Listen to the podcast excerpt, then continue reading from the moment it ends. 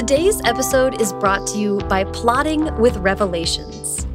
Join critically acclaimed Edgar Award nominated author Erin Bowman this February for Plotting with Revelations, a three unit online craft workshop that can be completed at your own pace. Using essay lessons, examples from modern fiction, video FAQs, and downloadable worksheets, Erin will show you how to utilize revelations, those aha character moments your hero experiences, to reverse engineer their arc and create a roadmap for their emotional journey, aka plot, which is really hard for me and for a lot of people. Erin's one of the most organized and thoughtful writers that I know, so you can expect the kind of practical, nitty gritty advice and guidance on planning and executing character arcs and plot that is, frankly, invaluable. Register for Plotting with Revelations at embowman.com slash workshops by February 7th. That's February 7th, it's coming up, but there's still time. The workshop is usually $3.95, but you can use special coupon code FIRSTDRAFT to save $100. Again, that's embowman.com slash workshops and use coupon code FIRSTDRAFT, all caps, all one word, to save $100 and save your book.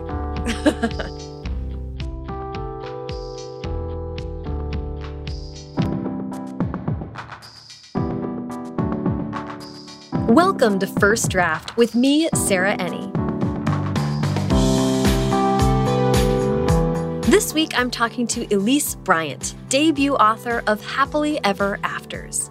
I so loved talking to Elise. I love what she had to say about how being accepted into a writing program actually stopped her from writing entirely how she discovered YA when hunting for classroom library books that actually reflected her black and brown students, how she ended up juggling five offers of representation, and how she's coping with the reality of book promotion when questions about your book end up being questions about your life.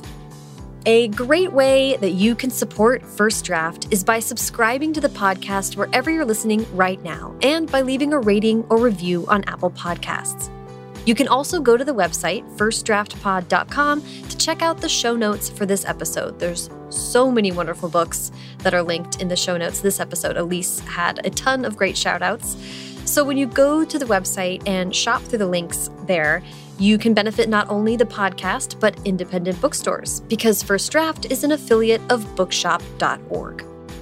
Probably the very best way to support First Draft is to sign up for the newsletter. There's a free monthly newsletter that will give you kind of a breakdown of all the shows that happen that month and uh, some news and information about me and the podcast. But for just $5 a month, you can get the weekly First Draft newsletter, and that has exclusive interviews, publishing industry analysis, writing tips, and more. I don't do a Patreon or anything like that, so the $5 a month weekly newsletter is the very best way to support the show and get very cool and informative stuff in exchange. Okay, now please sit back, relax, and enjoy my conversation with Elise Bryant. Hi, Elise. How are you today? Hi, I'm good. I'm so excited to be here. Yay! I'm so thrilled to chat. This is um, one of those interviews that I'm sad we can't be in person because you are in Long Beach and I'm in LA. We're not that far, but uh, 2020 is what yes. it is. um, but I'm so excited to talk and I want to get to happily ever afters. But I love to start my interviews at the very beginning, which is where were you born and raised? Yeah. Okay. So I was born and raised in Cerritos, which is a, a, suburb of LA County. I lived there until I was 16. And then my parents moved to Corona, which is still in Southern California, but in the Inland Empire. And I lived there for just one year and I hated it so much that at 17, I started college early just so I could move back to LA County. And I, um, I moved to Long Beach, which is where I still live now. That's so interesting about moving and wanting to go to school early. What were you just advanced in high school or how did you get yourself ready to move into college at that early level? So that was my my junior years when they moved. So, you know, my friends, my boyfriend, everything was not where my parents moved to. And it wasn't that far, but when, you know, with Southern California traffic. It was like an hour drive. when mm-hmm. when you're mm-hmm. 16, that feels like forever. um, totally. And so I ended up doing um, independent study, and so I I did all of my junior and senior um, coursework independently, and I did it all in one semester. And then at the end of that semester, I had enough credits, and I was able to start college early. And I went to Cal State Long Beach then. That's incredible. Wow. Okay. So that, um, you know, I'm just seeing like little Easter eggs for happily ever afters. And yeah. we'll get to that. we'll oh, there's, that. A there's a lot. um, the other thing I wanted to ask about is about your, your young life is uh, reading and writing and how that was a part of growing up for you. Yeah. So, I mean, books were everything to me growing up. Like I used to play Little Women with my friends at recess, if that gives you an idea oh. of how much I love books. We always would like argue over who got to be Jo when we were playing. I never got to be Jo. but yeah, I was I was a really a really shy, a really anxious child. And books were an escape for that, an escape from that. It was an escape from like my own mind and all of the the constant worries I had going on, I could, you know, carry a book anywhere with me and then it wouldn't be, you know, weird or bad that I didn't have anything to say to kids my own age. You know, I was I, I looked busy. I was busy with something important and it was just yeah, it was it was a great a great it was i mean i don't know if it was the most healthy way of coping with my anxiety but it was what i learned from very young that is is um was something i could do to feel better um, yeah. Yeah. And I read everything. I read, you know, Harry Potter and Animorphs and Bailey School Kids when I was young. And then I, when I was older, Meg Cabot and Sarah Dessen and Megan McCafferty, like they were everything to me. um, yeah. And I was, like insatiable. I read constantly. And I, I, have a daughter now, and she's the exact same way, like reading during meals and reading, like hiding under her covers in the middle of the night. I was the same way. Like my mom would take us to the library every week or every other week. And then my dad would take us to Borders every Friday. And so I get stacks of books for each of those trips, and I would still would finish them before the next week. So like by fifth grade, I was like going to my mom's bookshelves and like reading her Faye Kellerman and Sue Grafton, like all these like mis- like very inappropriate mystery novels that I shouldn't have been reading. Yep. Yep. Um, just because I always had to have a book. I just did not feel calm or or safe without a book to read. Related to this, I read that your parents, uh, you said that your parents used to turn your bookshelves around to face the wall yes. instead of. yes. That's like the nerdiest thing, but through college, or not through college, through high school. Like if I got in trouble, they knew that like if they took my phone or took the TV, I'd be like, whatever. you know? so they would, yeah, they'd flip it around so I couldn't get anything out. And yeah, that, that, that definitely like perfectly uh, summarizes who I am. I know it was like a perfect little, yeah, vignette of life.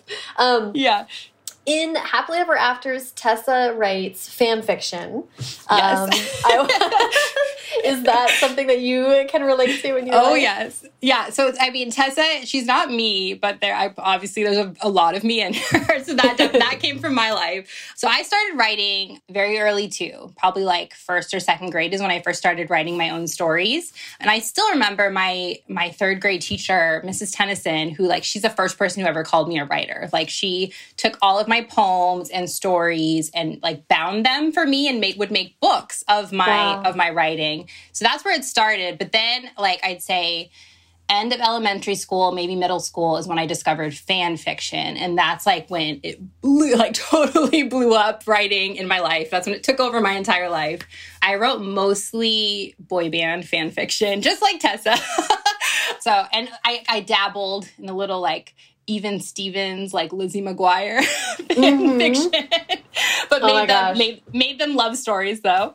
I read, like I said, I read a lot of Meg Cabot and Sarah Dessen, like these love stories. That's what I love. But just like Tessa in the book, like I never really saw a girl that looked like me in those stories, and so like self insert fan fiction became my way of like creating those love stories for myself. They were all just, yeah, me and my friends like meeting the boy band members at summer camp and we all fall in love with our favorite member. yes. uh, yeah. And I couldn't, um, you know, back then it was like the dial up internet. So I couldn't like be on the computer all day. So I would write them all in my notebooks. And then wow. when I got like my computer time, whatever at the end of the day. Then I would type them up really quickly and like upload them. so I still have all the notebooks of my like they're not online wow. anymore, but I still have all the notebooks of these stories, these ridiculous stories that I would write. That's amazing. I I mean I and I love this I, I, would love to hear about the evolution of your fan fiction because in Happily Ever Afters, and, and we'll get formally to the book in yeah. a second, but um, Tessa talks about her evolution in writing fan fiction and going from sort of adopting the stories and writing as the characters in the um, canon and then mm -hmm. moving on to self-insert because as you say she wanted to she wants to see herself is that related to your experience or I, I'm, I'm interested in i've read interviews with you where you talk about loving meg cabot and identifying with white girls and stories because that's what, what was mm -hmm. out there. And I'm interested in how you evolved to want to express your point of view in these stories. Yeah, so I, I, actually, a few months ago, I went back and read a lot of my old stories, and I never wrote white characters. I've always written, I've always had main characters that look like me back in first and second grade, which, yeah, I've heard other authors talk about too, how they wrote white characters first. And that that's not something I did. I always I don't know what that what that says about me, but I've always wanted to like be this be the center of it, be the star of it, and that was all where what all of my stories were when I was growing up. I went to an arts high school. It was in middle school. I knew I wanted to go to this specialized high school, but I couldn't turn in fan fiction in my portfolio. I knew then that that was not something that was going to be like I knew that was something that would be looked down upon if I turned in mm -hmm. fan fiction and portfolio. So that's when I made the jump from writing very, like self-insert fan fiction to then self-insert love story love stories. Um, that's. Yeah, yeah. So I started writing just short love stories with girls that look like me. That's amazing. So you went to this the specialized arts high school, but you were mm -hmm. writing romantic stories, and that was like, um, I would I how to phrase this. I don't want to ask a leading question, but it seems like in you know in MFA programs and things like that, they sort of emphasize like more quote unquote serious works or stuff like that. So were you did you feel free to write these love stories in high school? I did before I got there. So my portfolio was all these like love poems, short stories with with like these short love stories. Most of them were just like just I would say like the meet cute. That like that's as far as I got in my short stories. Um, the, the, most but, fun part. yeah, exactly. Um, and then I moved on to something else. Um, so I that was all what I put in my portfolio. Like I had 30 pages that I turned in, and I was accepted into the school. You had to you had to be accepted into the school, and so I turned in all that stuff, and I was accepted into the school. But once I got there, I saw how different what everyone else was writing was from what I was writing. Which before, you know, my circle of friends before I went to this this special school, I was the writer. You know, I was the only one that was writing. It was something. It was what made me special. But when I got to the school, I was in a class of all the, the writers, the, you know, the special kids and their from their groups. You know, and so just like a lot like Tessa, I immediately felt like oh my gosh, I don't I don't deserve to belong here. You know, all of my classmates were reading like the Beats, you know, um, Kerouac and Ginsberg and all these people, or Gabriel Garcia Marquez and like all this serious literature. Um, Salinger, like, oh my gosh, everyone loved him. you know, that was so that was what they were all writing. They were, they, you know, just like I was writing to try and imitate these authors that I loved, they were writing to imitate the authors that they loved. But I just absorbed this idea that what I was doing was not as serious, was not as important as what they were writing. Mm. And so, I know I haven't even pitched the book yet, but I know like, that's okay. Yeah, just like Tessa, this this whole part is definitely taken from my own life. Just like Tessa, I completely stopped writing.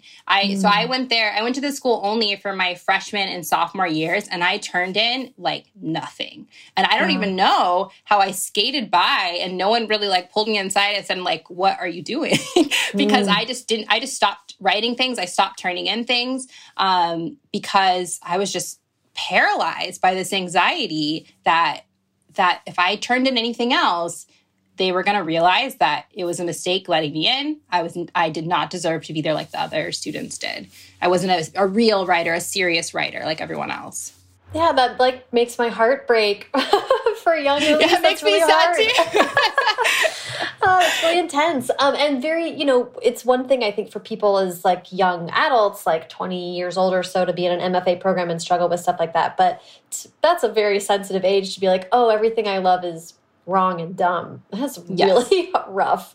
Yeah. How did you like cope with that? Were you still, I mean, you just weren't writing at all, even for fun on the side? No, I stopped even writing for fun. I wrote nothing for myself anymore. I kept it secret. I just, I still passed, I think, all of my classes, which I don't understand how because that's the way that my parents would have gotten involved if you know I was failing classes because that would have been a big no no for them.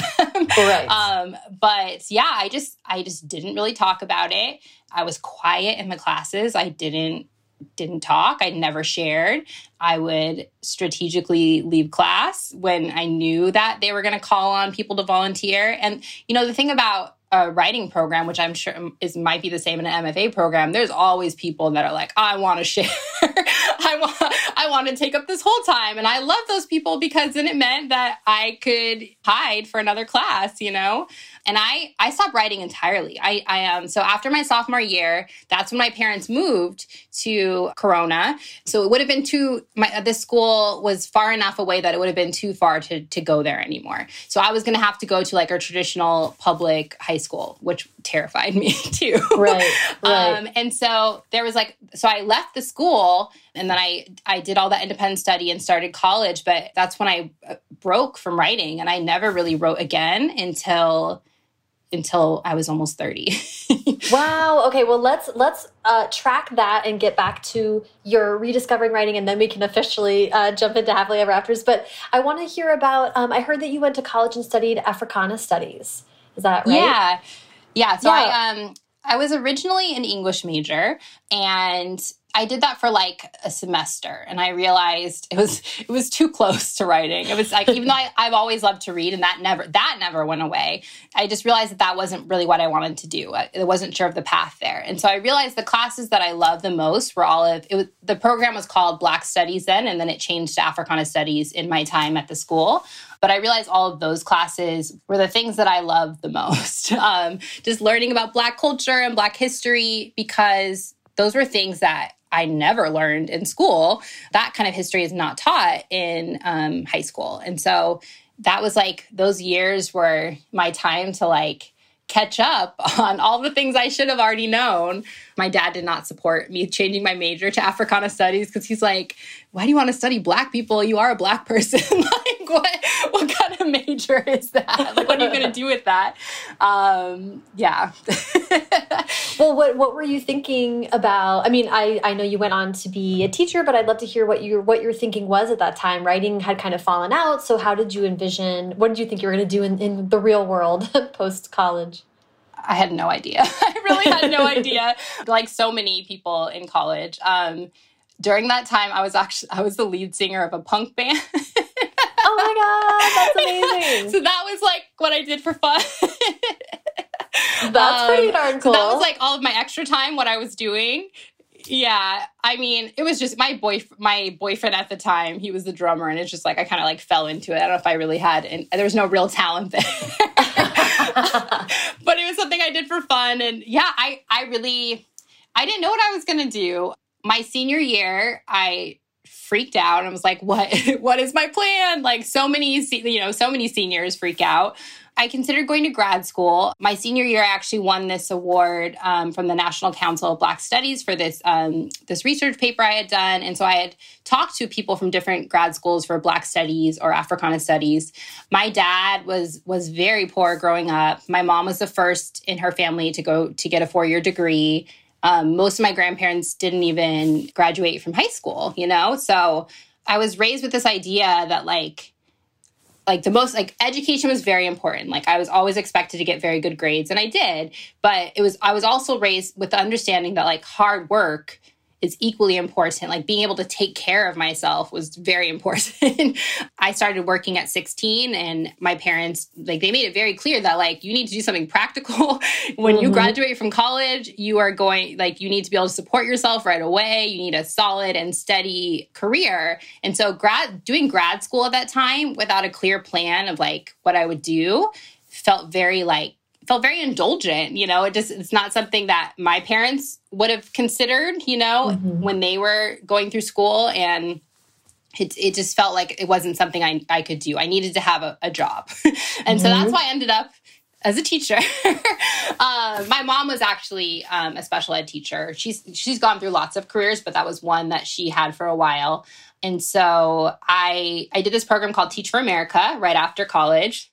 They send mostly recent college graduates to Title I schools um, for a two-year commitment, and but I ended up doing much longer than that. So that's how I ended up with, in teaching. It wasn't ever my plan, but I was like, I want to help people. This is something if I, I, I know I'll always have a job.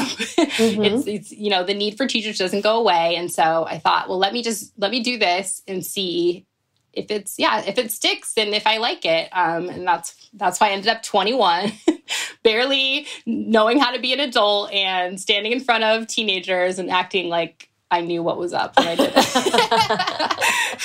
how did you, how did you get into? Did you set out to go to a special ed program, or did Teach for America set you up with that? So I you when you fill out the application, you can note whether you want to teach special education, and I I chose I chose that on my application. I knew I wanted to. Like I said, my mom was a former special education teacher, and my brother has um, disabilities, and so you know I grew up you know, sitting there reading a book during his IEP meetings, you know, or going with him to Special Olympics events. And so once I decided like this was going to be my path, I knew I wanted to be a special education teacher because I knew like how difficult it is to find special education teachers that that care and that treat people with disabilities with respect and then also just to know I felt like I could understand the the families of the the students I was working with because a lot of them were similar to my own families. I remember so many like IEP meetings where my mom would leave crying, you know, because of the lack of like empathy she was getting from the teachers. And I wanted to, yeah, to be to be a teacher that would help empower families to to know their rights and to help to make sure I was giving them everything that they were legally entitled to. Yeah, that's amazing. And I want to hear, you know, I've, um, you've written about this a couple places, so I've read a little bit about it, but your journey kind of expanding your classroom library. And I think oh, is yeah. that kind of what brings us back to the, I'd love to hear you tell that story, please. Yeah. Okay. So I I taught middle school for three years in the Crenshaw area of LA, and then I taught high school for six years in South Central. And I at the high school I taught at, I was a special day English teacher. So I taught small English and reading classes for kids um, with disabilities. And so I realized very early on that reading was at the center of anything I wanted to accomplish with my students. I taught at, you know, systemically disadvantaged schools all of the students, or I think 99% of the students, receive free or reduced lunch. All of my students were Black or Latinx. And so I knew what I what I wanted for them in their future, and their their ability to read was was at the center of all of that. But the problem is, they all hated reading. um, when I was, you know, a brand new teacher, I was like, I was horrified. Like, how can they hate reading? You know. Um, but of course, my experience with reading was so different than what they were what they had gotten in their education up until that point. You know, a lot of my students, you know, I would get ninth graders and their reading levels were like first or second grade. And it's not because there was anything wrong with them. It was something wrong with the education they had gotten up until that point, you know, with the huge class sizes that they had and inconsistent teachers throughout the year and lack of funds for the schools. That's what's le- that what that's what led to them being at that point. And so I knew that if I wanted to expand what was going to be possible in in the future for them, I needed to help them improve their reading skills. So we'd, we'd be working we'd be working on the like you know the books that we were supposed to read. And they'd be like miss this is boring. And i'm like i, I agree.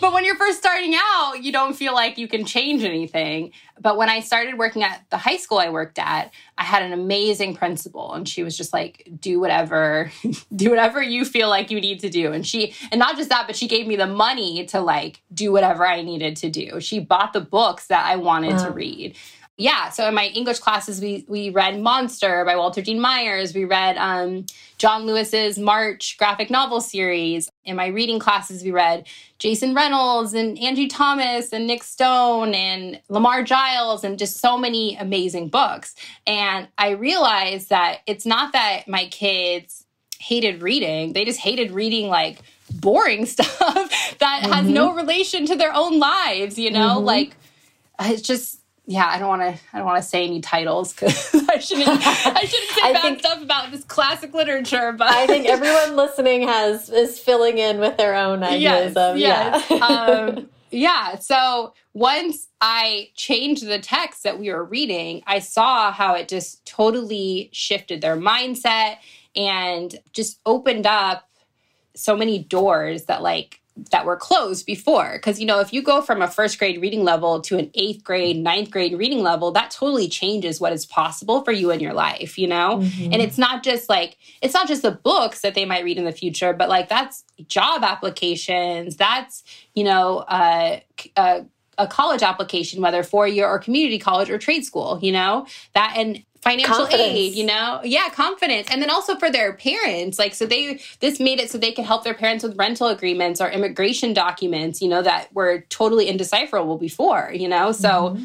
it totally, um, I knew that I've always loved books. They've always been so important to me. But then to see how they could, you know, totally shift someone's life was just very exciting. And yeah, I love I love teaching. it was it was such it was just like it, I I kind of just fell into it, but it became one of like the great joys of my life. Like it was what I was meant to do.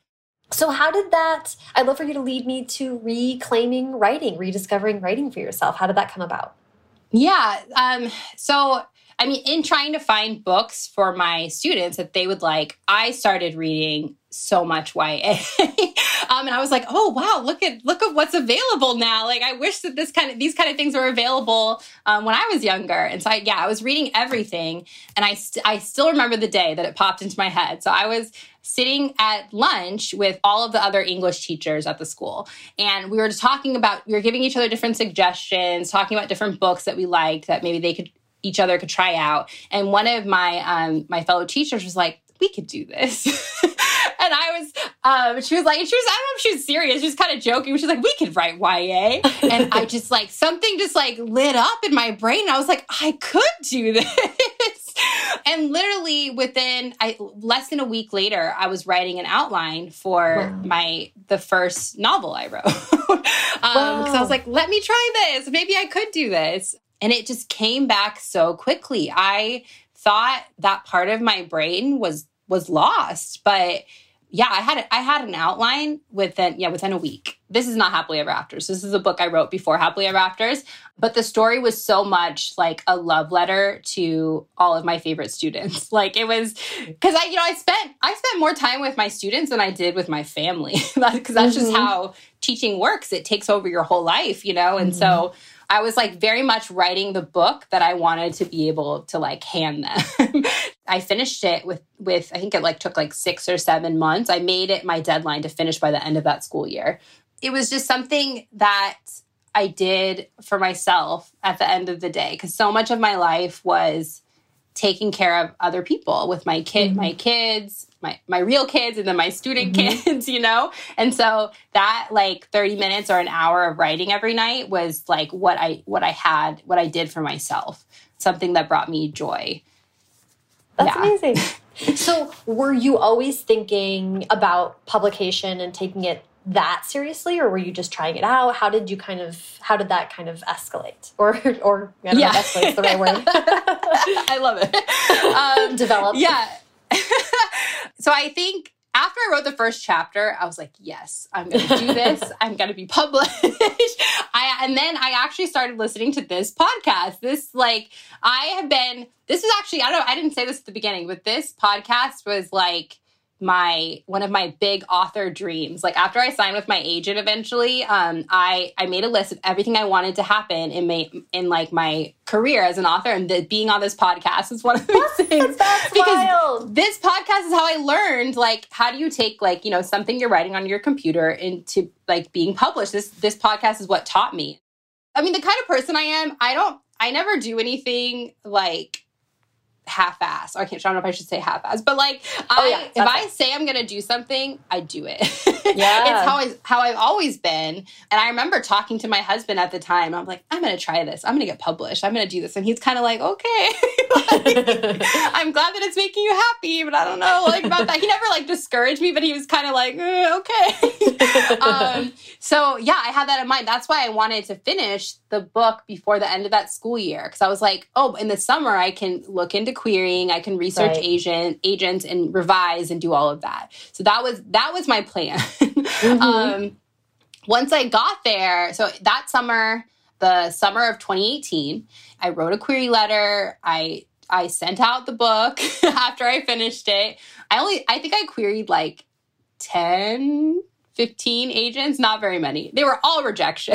um, yeah, the feedback that I got made it very clear that this was not going to be the book. Mm. One problem was I was writing main characters with disabilities because, mm. like I said, I was trying to write like these these stories from my students that I loved. But I realized very quickly that like just because I was coming from a place of love didn't mean that those were my stories to tell. And so that that summer I was like, you know, this was a good learning experience. It helped me to figure out pacing, it helped me to figure out voice. It I I showed myself that I could write a whole novel, that I could deal with with the rejection too you know mm-hmm. Um, mm-hmm. so that was my learning experience but i i decided to set it aside and then that let me see, that September is when I started writing Happily Ever Afters.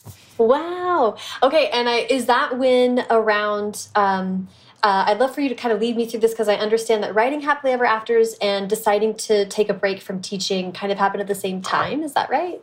Yeah, it did. So there were there were kind of two things going on there. So I started writing Happily Ever Afters. I started writing it at a Madcap retreat. So those are these are the retreats. They're held by Natalie C. Parker, and this one was specifically hosted by Justina Ireland. And so I went to this retreat in that September. That's where I wrote the first.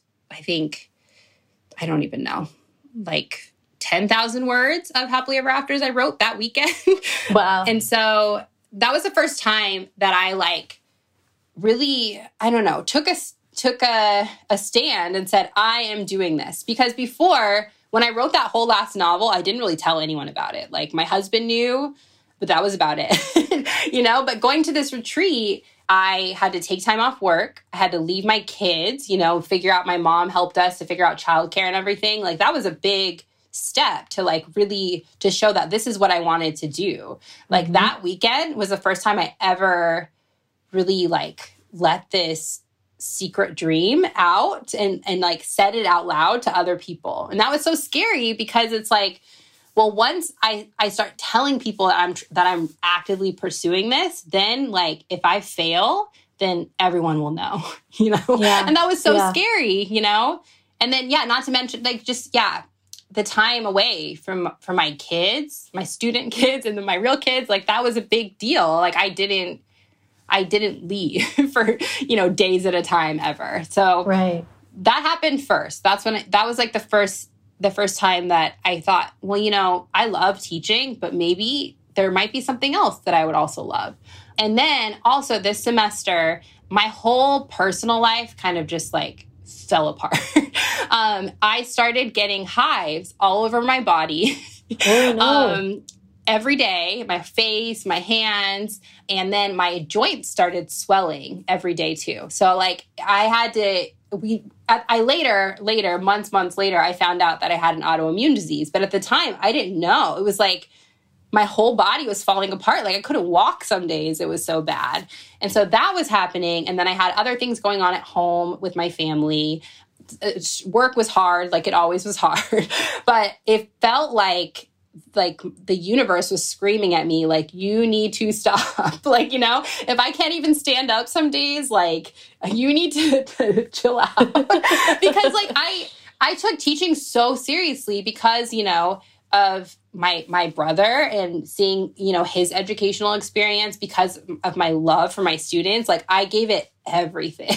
Yeah. um I was also, I don't know if I said this earlier, but I, um, when I decided to use new books for my students, I was rewriting the entire curriculum for the, I taught three different classes. So I was oh, making oh, wow. new curriculum for the three different classes I was teaching. And I redid it every year because I didn't want to just, you know, give them old stuff, you know? Wow. So it was, yeah, it was it was so too you much. burnt out. You were burnt out. I was out. totally burnt out, and I didn't want to admit to myself that I was burnt out because it felt like I was failing. It felt like I was failing my family and my students. You know, I thought I would teach forever, like, and I thought this would always be my life.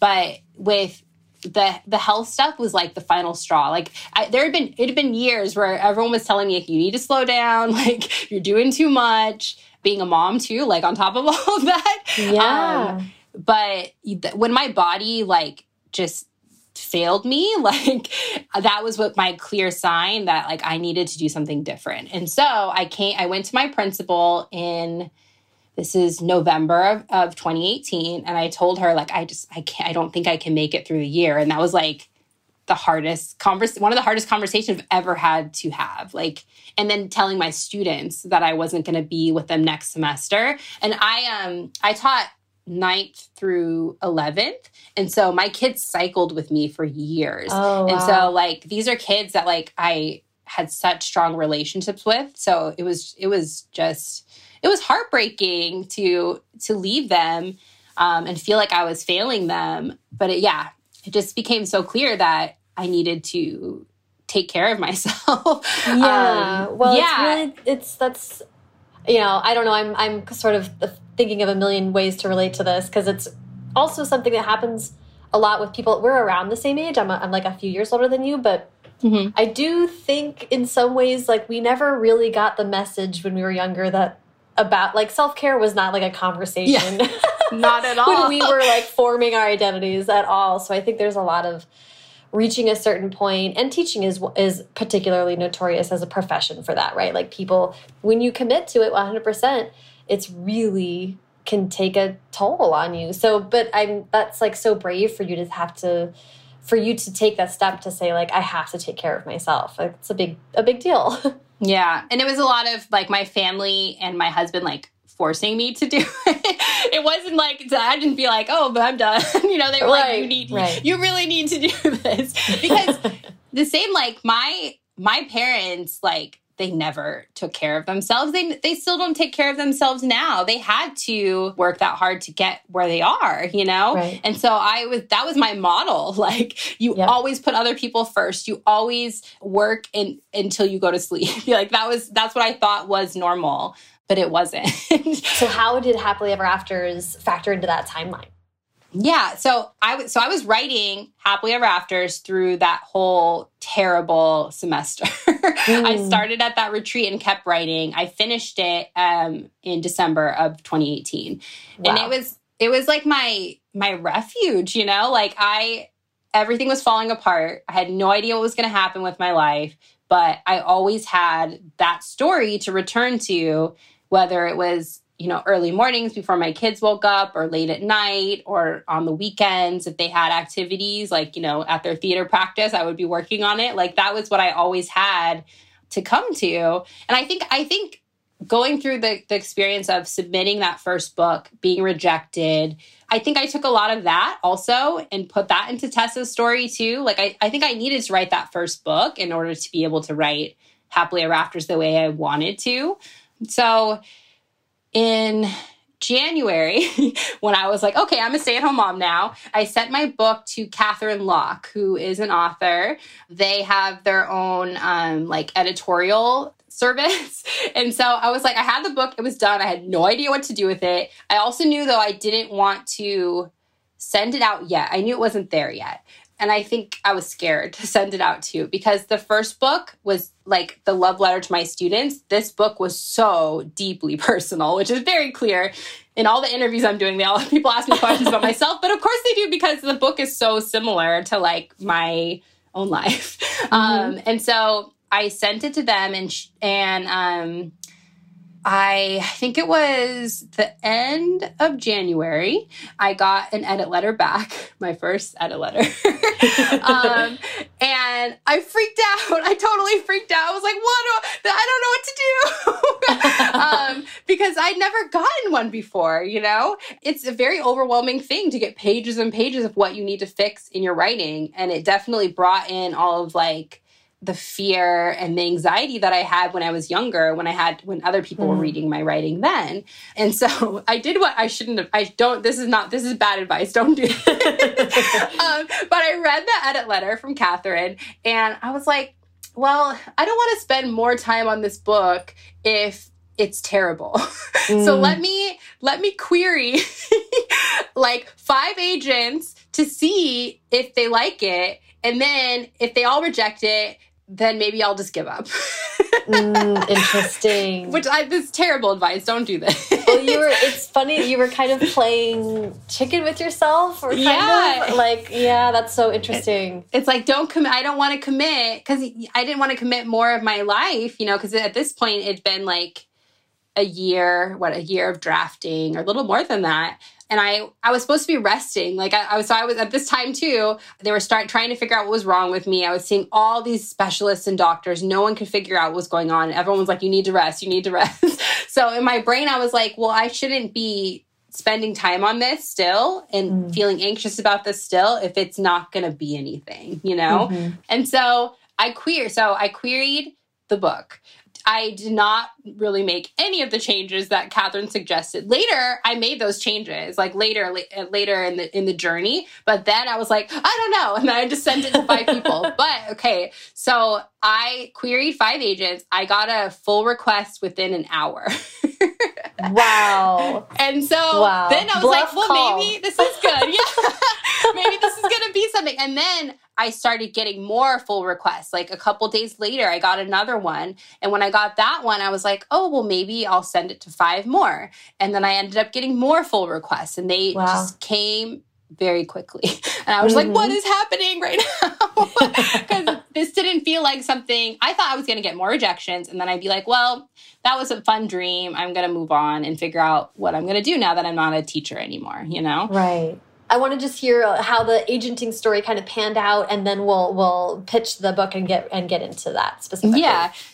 Um, okay, so I started getting all these full requests, and then I had I, I'm trying. This was like beginning of February, maybe mid February that I that this happened, and by the end of February, I had my first offer from an agent. Um, wow. And it was just like I remember like just screaming and doing high kicks and i'm like what is happening this is not this is not the kind of thing that happens in my life you know um, and so i from listening to your podcast and researching online i knew i had to tell the other agents which a lot of i so i ended up i think i sent it to 15, 14 15 total and so some of them hadn't even responded to my initial query because it had only been like a few weeks at that point. Right. Um, and you know it could take months for people to respond and so i went through and emailed all the people that had it i had only gotten i had gotten one rejection at that point but the rest either had had the full or hadn't responded to me yet and so I had, you know, phone calls with all these people. At the end of the day, I ended up having five offers of representation. Wow. I know it still like blows my mind. I'm like, That's amazing. I feel like I tricked a bunch of people. I don't know. um, yeah, it was a hard. It was a really hard decision because there were people on this list that were like my dream agents, like people that I just couldn't imagine that they would ever, you know, want to work with me. Um, and so I really had to start thinking like who is the best fit for like my personality mm-hmm. because if it's not clear yet already i'm very anxious i'm very sensitive so i needed someone that i knew i could work i could communicate well with that mm-hmm. would and this is probably isn't good to say but that could like you know coddle me a little bit through this yeah. experience you know i knew I, I knew i needed that and then also um, looking at their ideas for the revisions there was one agent that her revisions were like they just clicked in my brain i it, it, mm-hmm. it wasn't scary like the other like mm-hmm. the the letter from catherine or you know all the feedback in in high school um her taylor my agent her revisions just like they made sense to me right away and i was like this is the person that i know I need to be with. I know that that I will that this this could be really good us working together. Yeah, I, I'm I'm glad to hear you say that because that's um, I think important to to tell aspiring writers. It's like you don't necessarily want the agent who's like it's perfect you kind of yes. want and you also don't want the one that's you know i think some people go the other way and they're like this person has a burn it down rewrite it version and so they must be right it's like that middle ground a very intuitive sense like this person understands what i'm trying to achieve and that's so important to listen to yeah, and it was it was weird to make that shift because you know when you're querying, you're like, I just want any agent, anybody, and then, yeah, yeah, and then in, if, in a few weeks later to have to shift my brain to like who right. is the best agent for me it was like i was just like trying to catch up with my brain was trying to catch up with what was happening because i didn't yeah. ever think i would be in that position where i'd have to decide between different people well totally and what and what you're speaking to right is that shift to understanding what the power dynamic is in that moment and not giving up your right to make the decision for your professional, you know, for your career, which is a switch for writers. We spend so much time being like, will anyone ever care? And then it's yeah. like, wait, I have to be really discerning about who cares and who I trust with this. So yeah. that can be really kind of discombobulating. So let's let's dive into it. I want to start by um, having you pitch happily ever afters for us. Okay, I need, I need to get better at this. um, so, Happily Ever Afters is about a 16 year old um, writer named Tessa Johnson she loves romance novels. She loves love stories, but she's never really seen herself reflected in these stories. And so she writes them herself, but she only shares them with her best friend, Caroline. And the stories are like self insert stories for her and her best friend. but then she starts at a brand new um, art school. And when she's there, she's hit with a major case of writer's block. Um, and so her best friend, Caroline, comes up with this 11 step plan to help Tessa refill the well by um, helping to make her life into one of the romance novels or romance stories she used to write. But as Tessa is going through these steps, she starts to realize that the love story she thinks that she wants is not really what she needs after all. Yay! Oh, that was really good. Um, okay, good. and we're going to get into i have more specific questions about the ways in which this book reflects your life or or, or maybe doesn't but you really did choose to put a, it sounds like you really did choose to put a lot of yourself into this book. And i wonder how that felt while writing it but also how you're feeling right now answering questions about your it's sort of impossible not to ask about your personal life when you're talking about your work and making them and sort of erasing the line between those two things can feel a little conflicting. Yeah the book when I was writing it, it like I said, it was so much of like my like special thing that I had when I was going through this really difficult time in my life. And so I didn't even I don't know if I made like a choice like how much to put in there because it just that's that's just what is what felt right at mm -hmm. the mm-hmm. time. And even in my wildest dreams of being published, I don't know if I really imagined um, how exactly it would be. And so I I I don't know if I really thought about like being interviewed and people being interested and having questions. And so it was, I wrote those things in because they felt right for the story. But then, yeah, I'm kind of like, you know, dealing with the consequences of that now as people ask about because I mean, every interview I've done so far, it's been personal questions and kind of I actually listened right. to the episode you did with Leah Johnson and she was talking about this too mm -hmm. like trying to figure out where the the boundary is now because I wrote it I put it out there it's there for consumption so of course people are going to have questions but now I'm trying to figure out as this you know in this moment you know a right. few weeks before it comes out I'm trying to figure out how much do I give now because yeah. I gave a lot of myself in the book but then do I just let that be what it is and let people take what they want from it? Or do I do I add more of myself? You know, I don't know if that's making sense, but it is. No, it is, and this is a real and, and part of the reason why I'm asking is because I do think that there's um it's just a it's a very individual question i think uh, ultimately every writer has to make that choice for themselves not only what they put in the book but how they talk about it but we right now are being asked as authors to be public figures in ways that were yes. not expected of someone even even 15 years ago mm -hmm. um, mm-hmm. so it's a newer phenomenon or a newer question to have to ask as well so I don't know if you if you figure it out more, let me know. yeah. Like but you're you're so right. Like I like I I love Meg Cabot. I didn't know anything about Meg Cabot as a right. teenager. I couldn't tell you even what she looked like. Now I know, but at the time I didn't know anything about her. But yeah, with social media, this is all you know part because you know you write books because you love them but you also write books because you want to support yourself and make money you know mm-hmm, and have mm-hmm. a career and so part of selling books is is you know being on social media now interacting with readers sharing parts of yourself and I didn't really, I didn't consider that. I didn't consider that anyone would be interested in, in me, you know? right. It's like, it's a very, it's a newer and kind, kind of phenomenon. It's like, do I want to be an influencer or do I want to be an author? And yeah, the balance yeah. between like, you know, writing a book is, could not be more different than writing an Instagram caption. So yeah. those are kind of the tensions I'm also over here just being like, what's the right balance? I yeah. don't know but then there's different parts of that too. Like I I'll love to post like me and my new dress that I got. Like that's easy, you know? But then, you know, talking talking about, you know, deep stuff about my background or my family or my identity, that's a totally different thing. And so mm-hmm. I'm kind of figuring I'm still figuring out where I am in that spectrum, you know? Yeah. Yeah, yeah. Well, I appreciate you speaking to that because that's like I think going to be relatable to especially a lot of debut authors who are having this experience as well, mm -hmm. where mm-hmm. really their only interaction option is social media now too, which is this whole other um, reality that we're all living with. Well, I want to ask about um, a little bit of a callback to, to what we talked about earlier, but Tessa, her, I, I felt for her so much because she is like the central conflict of, of the book is that she can't, uh, she's has writer writer's block. So she tries to come up with a fun way to kind of invigorate her own life. So she has something to write about. But i felt her kind of falling into this trap that i think a lot of authors do or people who are who are people who write or, or, or deal with narrative professionally is that like sometimes we engage with our life like it's a story. And we kind of expect mm -hmm.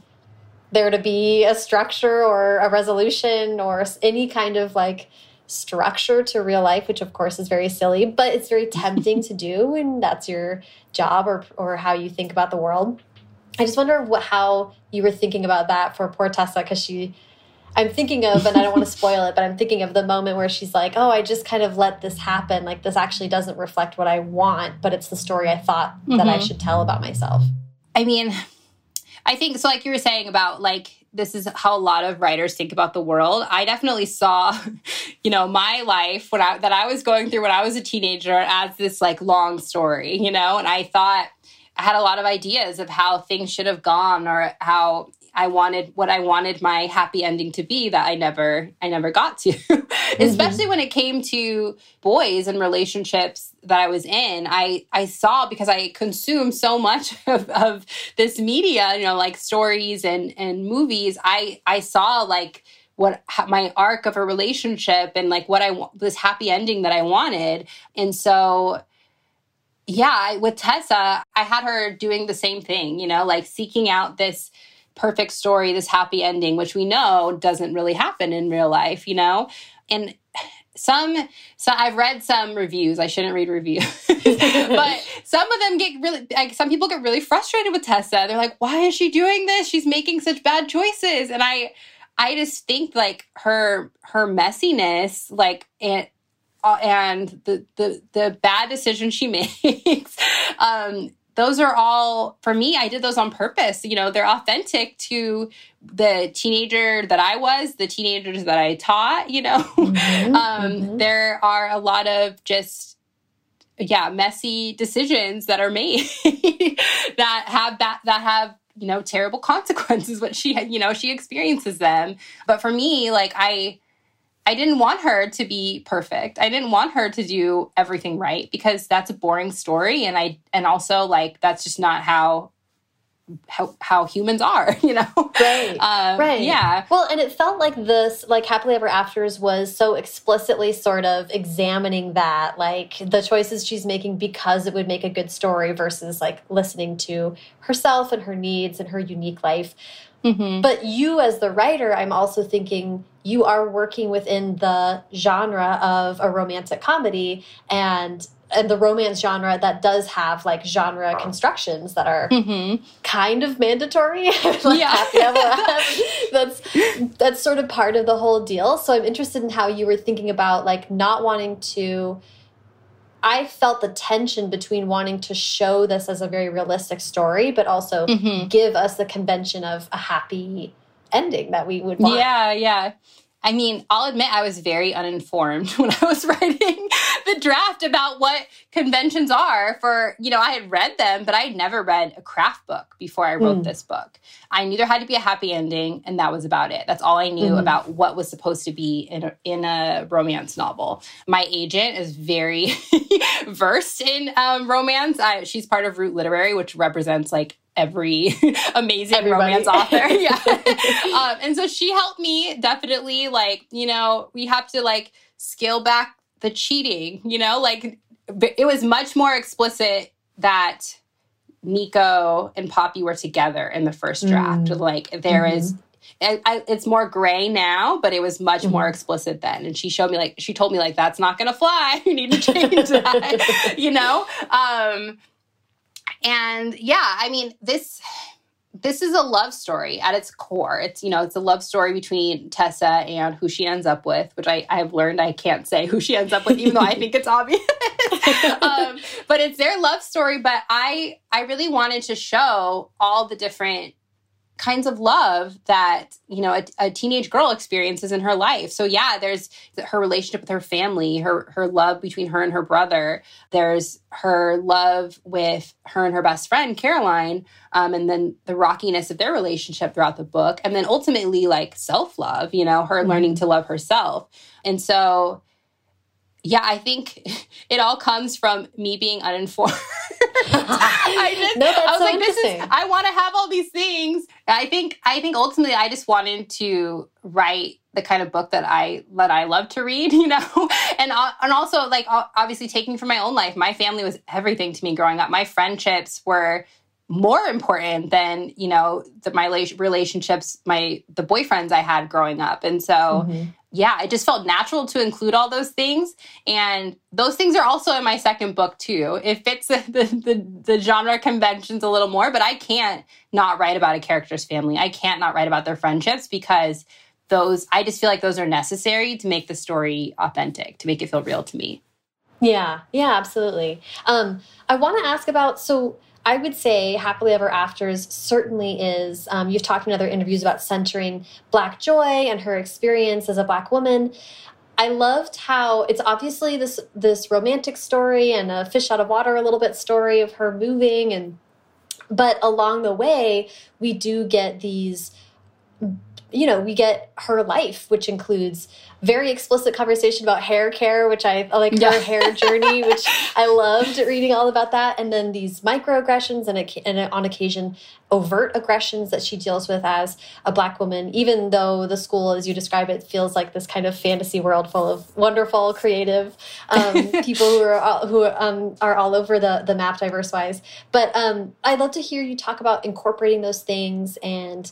I don't know, just what was it like to be able to really write a romance novel that included all these things that are obviously true to your experience?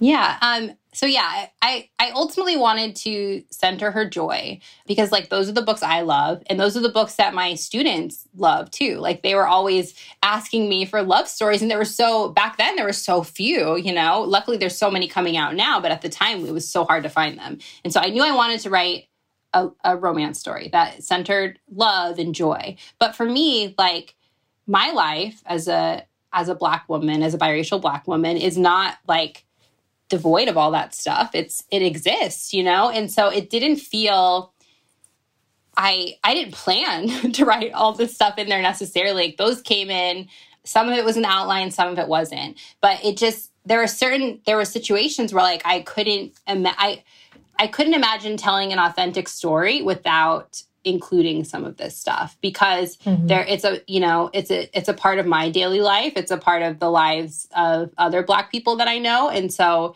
I couldn't not include include reality you kind of got to create a love interest and that's such yeah. a fun thing to do so I'd love to just hear like how you discovered him um I think I mean, we can say who he is, I think. I don't know.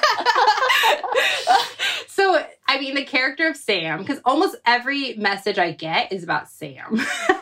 yeah. So many girls love Sam, and he's just, he's wonderful. I mean, I made I made what in my mind is a is a dream boy teen boyfriend. he is um he is aware of the challenges that Tessa has to go through. He leads from he doesn't pity her. He leads from a place of empathy, of like of learning to understand her, um, but not in a way that like others her, but in a way that like she's truly she's truly seen by him. And like you were saying earlier, she ignores him for so long because she has such an idea of who she's supposed to be with like this this dream man from one of her stories that's cool and aloof and all of these things but throughout the novel she realizes that the boy that you know who she's supposed to be with is someone that is you know kind and puts her first and even though his exterior you know like his hawaiian shirts his zip off cargo pants oh. may not be like this dream what she what she thought what she thought she was supposed to end up with like inside he's exactly who she needs with you know being this very like anxious self-conscious person he is exactly who she should be with I mean, the baking felt so visceral in the book. I was like, this, it feels like a comfort thing that you were kind of giving yourself maybe as you were even writing. I'd love to talk about incorporating that and, and what that, uh, what joy that brought for you. Yeah. Um, so, I mean, baking is what I do to deal with my anxiety. I, it's a way to like shut off my brain because you have to be so precise and, and um, measure the ingredients and, you know, the time also carefully. And so that's something I was doing so much during the time when I was writing this book because it was such a, a difficult time. And so, that's how it made its way into the story. and then also like my kids are obsessed with baking shows and so that's that kind of came to the story that way because I, we watch them all the time, all those mm-hmm. competitions and yeah, when I was when I was creating Sam, I was like, what would make him, you know, this this dream boy? and mm-hmm. for me, mm-hmm. a dream boy is someone that can, you know, make me a cinnamon roll, roll bake bake a dozen cupcakes. So that is um yeah, that's how it, that made its way into the story. So I want to talk about you your book comes out in January 2021 it doesn't look the way that I'm sure you thought it was when the book sold. So, how have you been sort of like rolling with the changes this year, and what have you planned for coming out and all that good stuff? What are you thinking about? I mean, so when the when the pandemic first hit, I was still like I was still thinking, well, by January, you know, right. things will be better then. I'll be able to have my launch, I'll be able to tour, all these things that were part of my like author dreams, you know, and now obviously that's not the case. Um, so I don't know. I'm mourning what I thought my debut experience would be. I'm also filled with gratitude because even this is is beyond what I thought would happen with my life. You know, I'm still going to have a book in a store that I get to go visit. You know, I still get to share my words with people which is it's just such a gift. And so i'm i'm trying to instead of thinking about all the ways this is not going the way it's going the way i thought it was going to go i'm trying just to focus on each of those each of those little gifts you know um, yeah. getting my first you know getting the, the first um, emails from readers about the book and seeing my kids hold my arc you know there's still so there's still so much joy and things to be grateful for in this experience and i mean uh, from what i understand you're in a good place because you're this isn't your only book right you're already in a place where you understand that you have a second book that i think is is pretty far along and then you're yeah. kind of starting your third is that right yes so i wrote my book two during this pandemic wow i had the first three chapters written when everything shut down and then i so i took a month off like my, my brain could not function mm. at all mm -hmm. but then mm-hmm. my deadline was august so wow. i yeah, I just woke up really early because my kid, you know, my kids are home from school. Mm-hmm. My husband's working from home. He's always here. uh,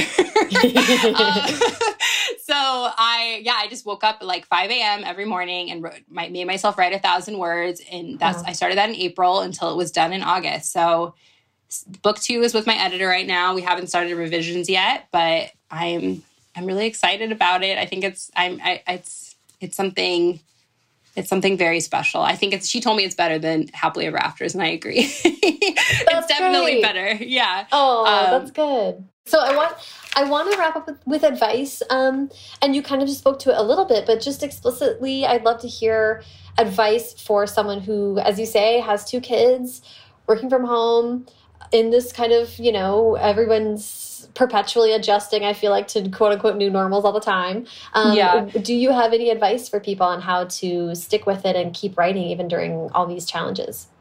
I think it's, yeah, I think it's easier to take it steps at a time. Don't let yourself think about the whole big project that you have to complete, but just little steps at a time. But I also don't want to I don't want to discourage other people. I mean, if you do nothing during this time, that's fine. Right. you know, I did it because I had to. And also, I did it because it was something that was that I enjoyed. You know, it brought me joy to wake up in the morning, and that was my like hour, two hours that I had to myself. It was the only time I was had to myself all day, and it's something mm-hmm. I enjoyed. But if that's not something that you enjoy right now, that's okay. like it's okay right. to do nothing right now. Anything that you accomplish in this time is admirable. And if you are doing nothing and you're and you're just in not that you're just but that you are raising your kids which is an, an amazing accomplishment in in a pandemic mm-hmm. um, then that is that's a, that's a, a lot. And that is plenty to be doing right now I'm not writing anything right now. I I turned in my book in August and I haven't written anything. I've written an outline for book 3 but nothing new since then. And I'm okay with that. Yeah. I you know, it's okay to rest. We need rest right now. Yeah. Yeah, and I I'm uh I'm having a very like this week was a week where I was like, oh, I think I hit the wall. like I'm just watching. Actually, it was so wonderful. I was reading Happily Ever Afters and just watching the Great British Baking Show. So I was like, okay, oh, we've perfect. reached a certain place. Yeah, we are all baking right now. and that's all you need to do right now is lay, you know, lay around and watch Netflix. That is fine. Yeah, we're yep. we're in December. After how many months has it been? Ten months? I don't even know. And yeah. we just that's that's fine. I think that's that's very good to keep in mind. I appreciate that. Um, oh my gosh, this has been such a joy. Elise, thank you for giving me so much of your time today. I really appreciate it. Yeah, thank you so much. This was such a dream. I get to check it off the list. yes, that's the best. Oh my gosh, I love it. Thank you so much to Elise. Follow her on Twitter and Instagram at Elise M. Bryant. Follow me on both at Sarah Enni and the show at First Draft Pod. This episode is brought to you by Plotting with Revelations, Erin Bowman's three unit online craft workshop on how to utilize character revelations to reverse engineer character arc and create a roadmap for your plot. Register before February 7th at embowman.com slash workshops and use special coupon code FIRSTDRAFT to save $100.